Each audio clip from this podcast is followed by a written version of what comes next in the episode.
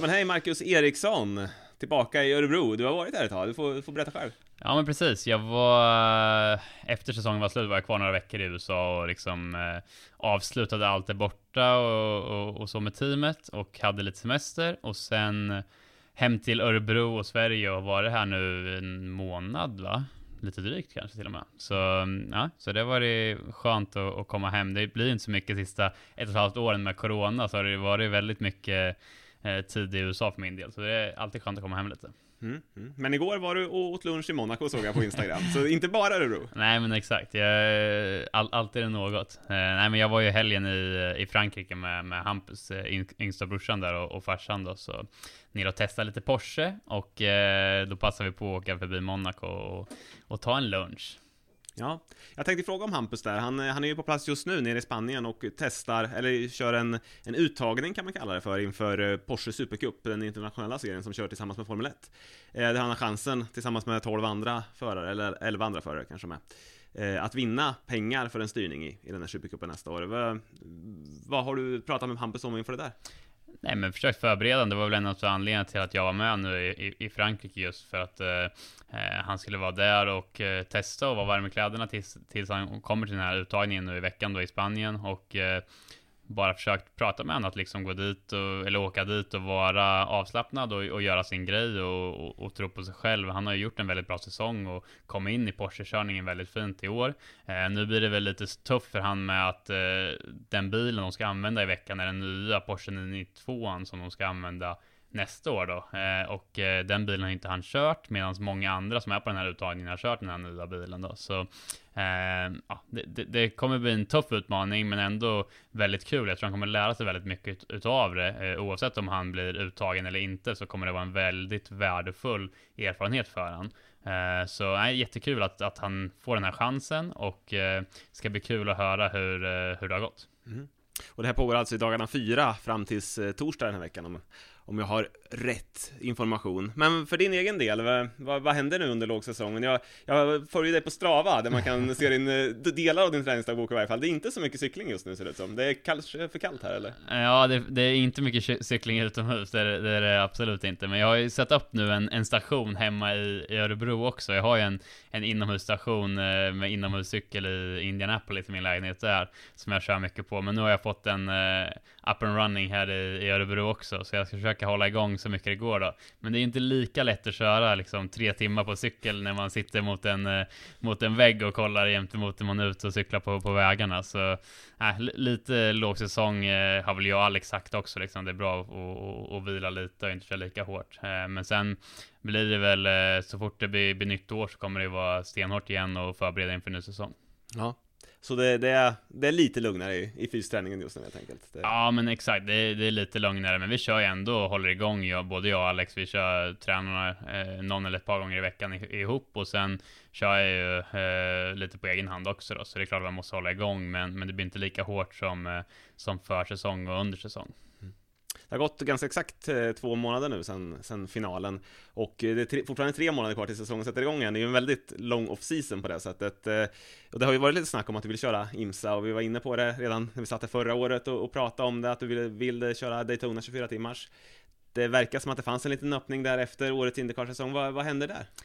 Det är fortfarande mitt mål att köra det här racet då i slutet på januari här 2022, så det är väl det vi, vi siktar på och det ser väl eh, rätt så lovande ut då. Eh, Ganassi, mitt team, ska köra två bilar där eh, i, i IMSA-serien nästa år och då i, i 24 timmars på Daytona och eh, jag är väl i allra högsta grad aktuell till att vara på, på en av de bilarna, eh, åtminstone på det här Daytona 24 timmars då. Så eh, förhoppningsvis så kan det eh, bli något besked i den frågan eh, snart, för det, det hade varit perfekt som uppladdning inför Indycar-säsongen. Mm. Men du har inte kunnat vara och testa något där än eller? Nej, jag skulle, jag skulle köra en test i, i oktober och efter eh, säsongsavslutningen med, med Indycar, men jag fick en skada på min, eh, på min hand där i sista racet, så jag kunde inte riktigt vara med och köra där. Så, eh, så det har inte blivit något test än så länge. Nej. hur illa var det med den där handen egentligen? Du, hade du kunnat köra om det hade varit Indycar-race helgen efter till exempel, eller var det, var det värre än så? Nej, jag slog faktiskt ur tummen ur led, mm. så mm, ingenting var brutet eller något sånt då, men den svullnade ju upp och, och ledbanden blev rätt så uttända och, och, så vidare. Så jag tror att en, en sån skada kan du ju köra med, men det är ju inte optimalt för du fördröjer ju läketiden hela tiden när du inte ger den vila då. Så, så jag tog det ja, väldigt långt, hade skena på, på handen i sex veckor och eh, den är av nu sedan två veckor tillbaks och, och ja, är tillbaks, inte riktigt 100% men, men så, nära 100% nu då. Så det var väl eh, bra timing om det någon gång man ska skada sig så var det i sista tävlingen. Så det var väl eh, som sagt eh, tur i oturen. För hade det varit mitt i säsongen så hade det blivit problematiskt eh, att, att köra. Även om jag tror som sagt att det hade gått. Men det hade inte varit optimalt eh, alls. Det hade blivit smärtstillande sprutor och grejer. Ja, men en, något sånt liksom. Och framförallt för Indycar när vi inte har någon eh, servostyrning så mm. blir det ju att det, det är väldigt tungstyrt för oss att köra eh, Indycar-bilarna och eh, man behöver all kraft man kan få. Så, eh, nej, det var... en hel del skakiga stadsbanor. Ja, men exakt. Det hoppar man är på curbs och det eh, ja, ojämnt och så vidare. Så det var, nej, eh, tur i oturen att det var sista tävlingen. Mm. Jag tänkte vi skulle se tillbaka lite på året och förutom den där sista så var det ju i mångt och mycket en, en eh, framgångssaga för din del. Eh, även om det började, om vi börjar i den änden, det, börjar började ju lite si och så. Du, i, I premiären på Barber där tappade fyra placeringar i slutet på grund av eh, teamets bränslestrategi och, och sen fortsatte det med lite dåliga depåstopp och tappade ett däck i Texas där som gjorde, förstörde två lopp egentligen. Eh, men sen efter det vände det. Vad, hur ser du tillbaka på den där säsongstarten och hur var känslan just då? Men jag tycker att farten fanns där från start. Jag menar Barber första racet var jag i fas 6 och kvalade bra. Även Texas-racen var jag bra med fartmässigt, St. Pete också. Men det var ju som du sa lite saker som strula eh, mer på teamsidan än på körsidan. Utan det var liksom lite kalkyleringsmissar och depåstoppsmissar och sådana saker som kostade oss rätt mycket poäng de första 3-4 tävlingarna. Eh, så det var frustrerande för jag kände att jag hade tagit steg eh, under, under vintern och var på en högre nivå redan från start, men fick inte riktigt med mig resultaten. Och vi hade väl en hel del möten runt där, liksom att vad måste vi göra för att det ska lossna? Och, eh, men vi, vi som sagt, vi såg att det fanns potentialen fanns där. Så vi, vi fortsatte jobba på och var liksom fokuserade på eh, att få det att lossna. Och eh, när jag väl fick den där första segern i Detroit så blev det ju verkligen proppen ur och, och vi kunde bygga vidare på den eh, utveckling både jag och teamet hade gjort. Mm.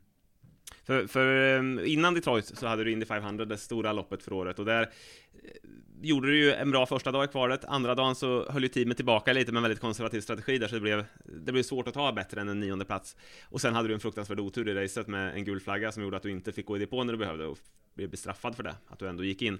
Så det blev ju lite förstört på det sättet. Men efter det så studsade du tillbaka direkt. Och vad känner du kring Indy 500? Där? Det är tredje gången och det har ju alltid varit något som har ställt till Ja, nej men just årets Indy 500 tycker jag gjorde en extremt bra månad. Eh, alla träningar, eh, kval, allting så gjorde inga misstag utan byggde upp det väldigt fint under hela månaden och kände mig riktigt, riktigt självsäker och komfortabel när vi gick in i liksom upploppet av, av månaden. Eh, som du sa, gjorde ett väldigt bra kval. Tyvärr så blev det inte optimalt på själva shootouten i, i fas 9 där.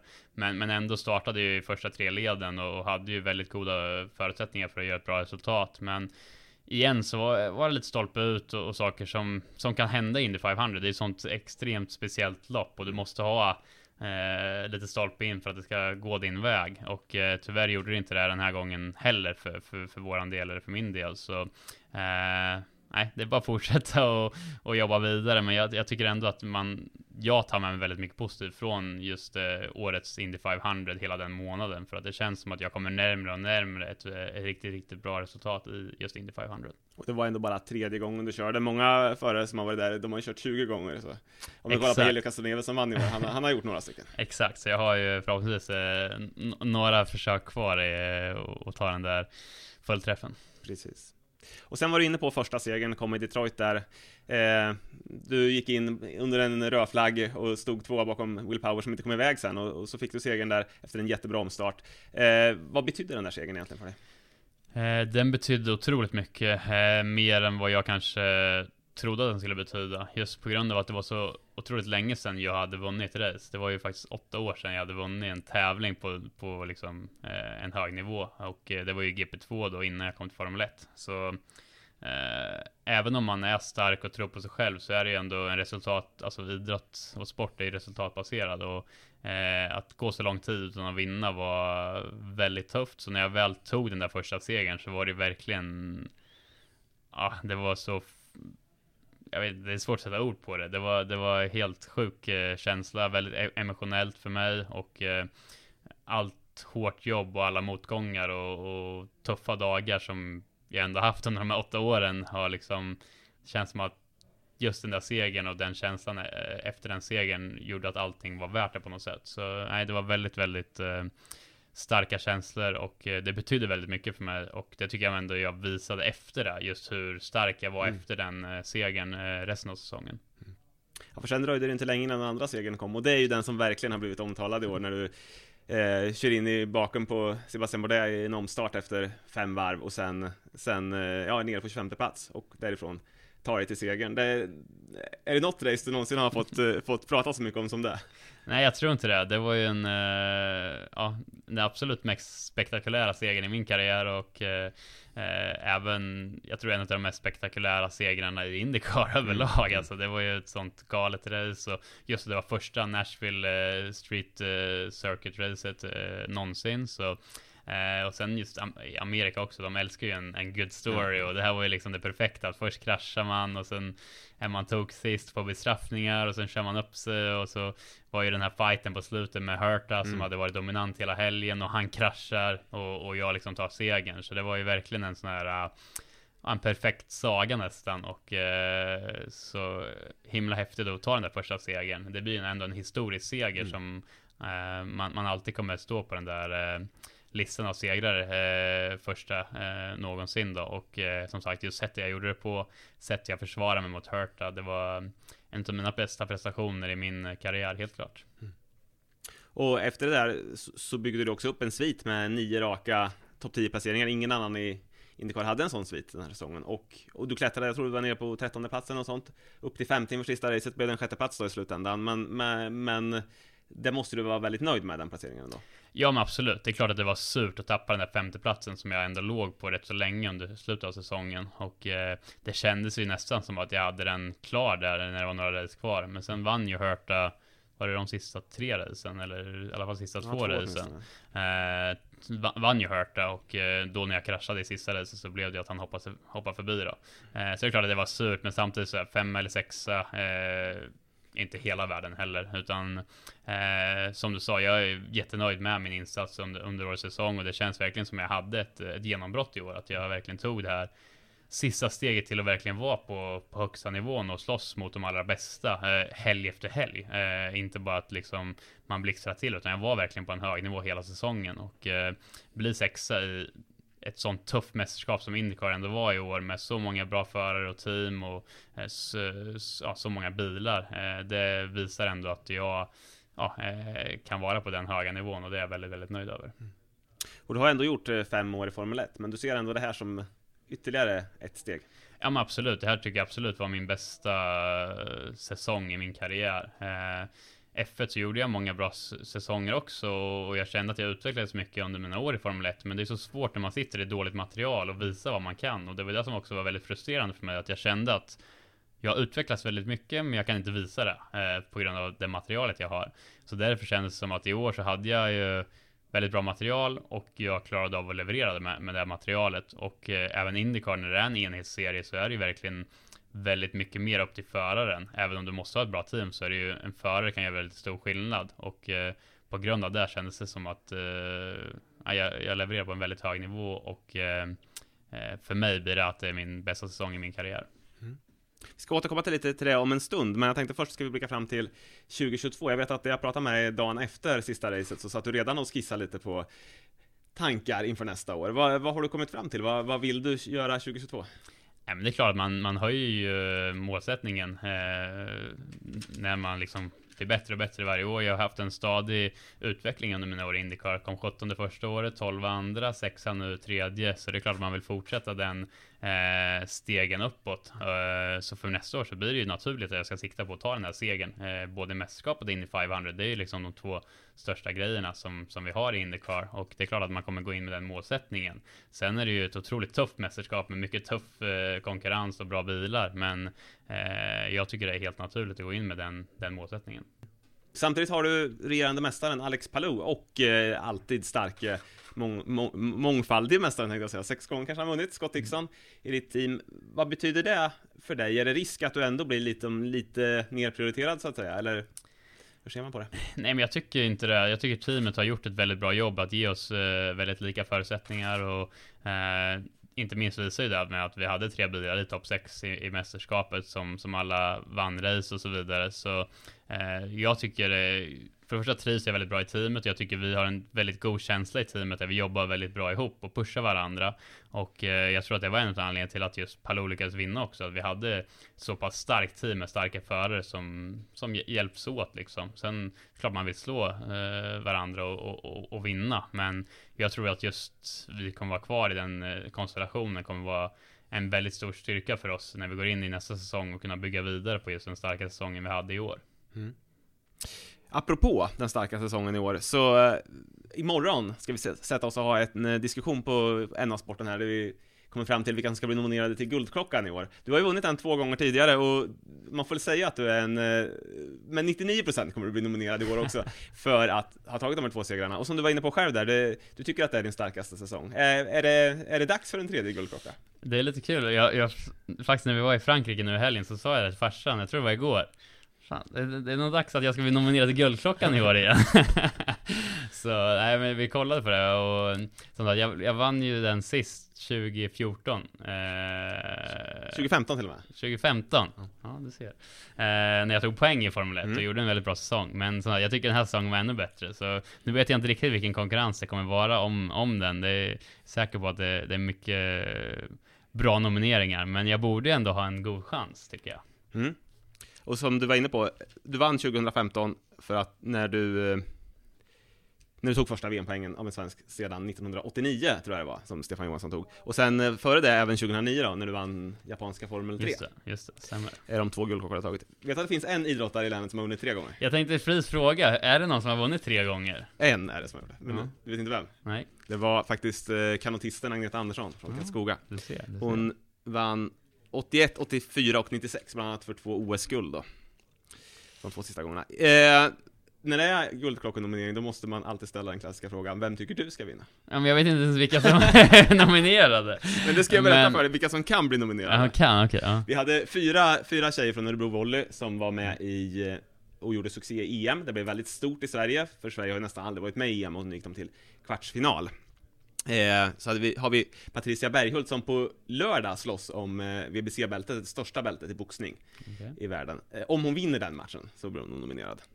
Så har vi eh, Örebro Black Knight som tog sitt första SM-guld på här sidan. Örebro Hockey som gjorde sin bästa säsong, även om det då tog slut mot eh, Växjö i semin. Eh, Ösko Bandy som gick upp i elitserien efter 12 långa år på lägre nivå. Eh, vi har Jenny Österhall, en pa paraidrottare som tog dubbla VM-guld i jujutsu och eh, Mikael Persson, enduroföraren som eh, har vunnit Novemberkåsan Gotland National SM-guld. Allt som går i Sverige, även om man inte har kört internationellt då. Eh, och det är väl de som skulle kunna bli nominerade. Just det, just det.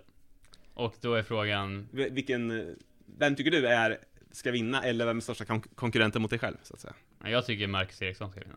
Ja, det är det bästa så. Nej, men det är jättehård konkurrens såklart och det, det, är kul att det är många bra prestationer här i Örebro eh, och Örebro, är det Örebro län eller? Örebro län är det, Örebro län, ja. Eh, men nej, vi får se, vi får se. Det är bara kul om man blir nominerad. Mm. Eh, Örebro Hockey var med där. De vet mm. att du har stenkoll på. Och vi brukar alltid ställa någon hockeyfråga till dig. Vad, vad tycker du om årets säsong hittills? Jag tycker den har varit bra. Eh, de har ju haft en rätt så tunn trupp eh, med, med en del skador och så. Eh, men det har ju gjort att det blivit bra med juniorer som har fått chansen, som har tagit chansen. Så det har varit jättekul att se. Sen är det kul att en sån som Oliver Eklind från Kumla, en kompis till mig, har, har kommit in och verkligen visa framfötterna och varit en ledande spelare. Det tycker jag är superhäftigt. Så det, jag tycker det är kul att följa, men skulle kanske behöva några, några spelare in. Eh, om det ska bli, om det, om det ska, Exakt, om det ska bli bättre än, än i fjol. Eh, så det är väl det eh, mitt amatöröga kan se. Men eh, nej, eh, ändå väldigt stabil säsong eh, än så länge. Har du hunnit vara på många matcher nu då, när du har varit hemma? Ja, jag har varit på ett par stycken. Var det Växjö och Färjestad tror jag. Mm. Eh, två lördagsmatcher tror jag. Och sen ska jag ju på Frölunda-matchen här på mm. torsdag. Mm. Så nej, jag försöker se så mycket jag kan. Det ja, du får passa på, det är inte så ofta du är hemma. Nej, men exakt. Det blir mycket på TV annars, så det är kul när man väl är hemma och kunna ta sig ner till Bern Arena och kolla. Exakt. Men du har ju själv gjort eh, NHL-debut på träning. ja, exakt, det också. det får du berätta, Hur, eh, när skedde det egentligen? Ja, men det var ju någon vecka därefter eh, sista racet, så mm, jag är ju god vän med Hampus Lindholm som spelar eh, back i Anaheim Ducks och eh, även känner Rickard Rakell där som är forward.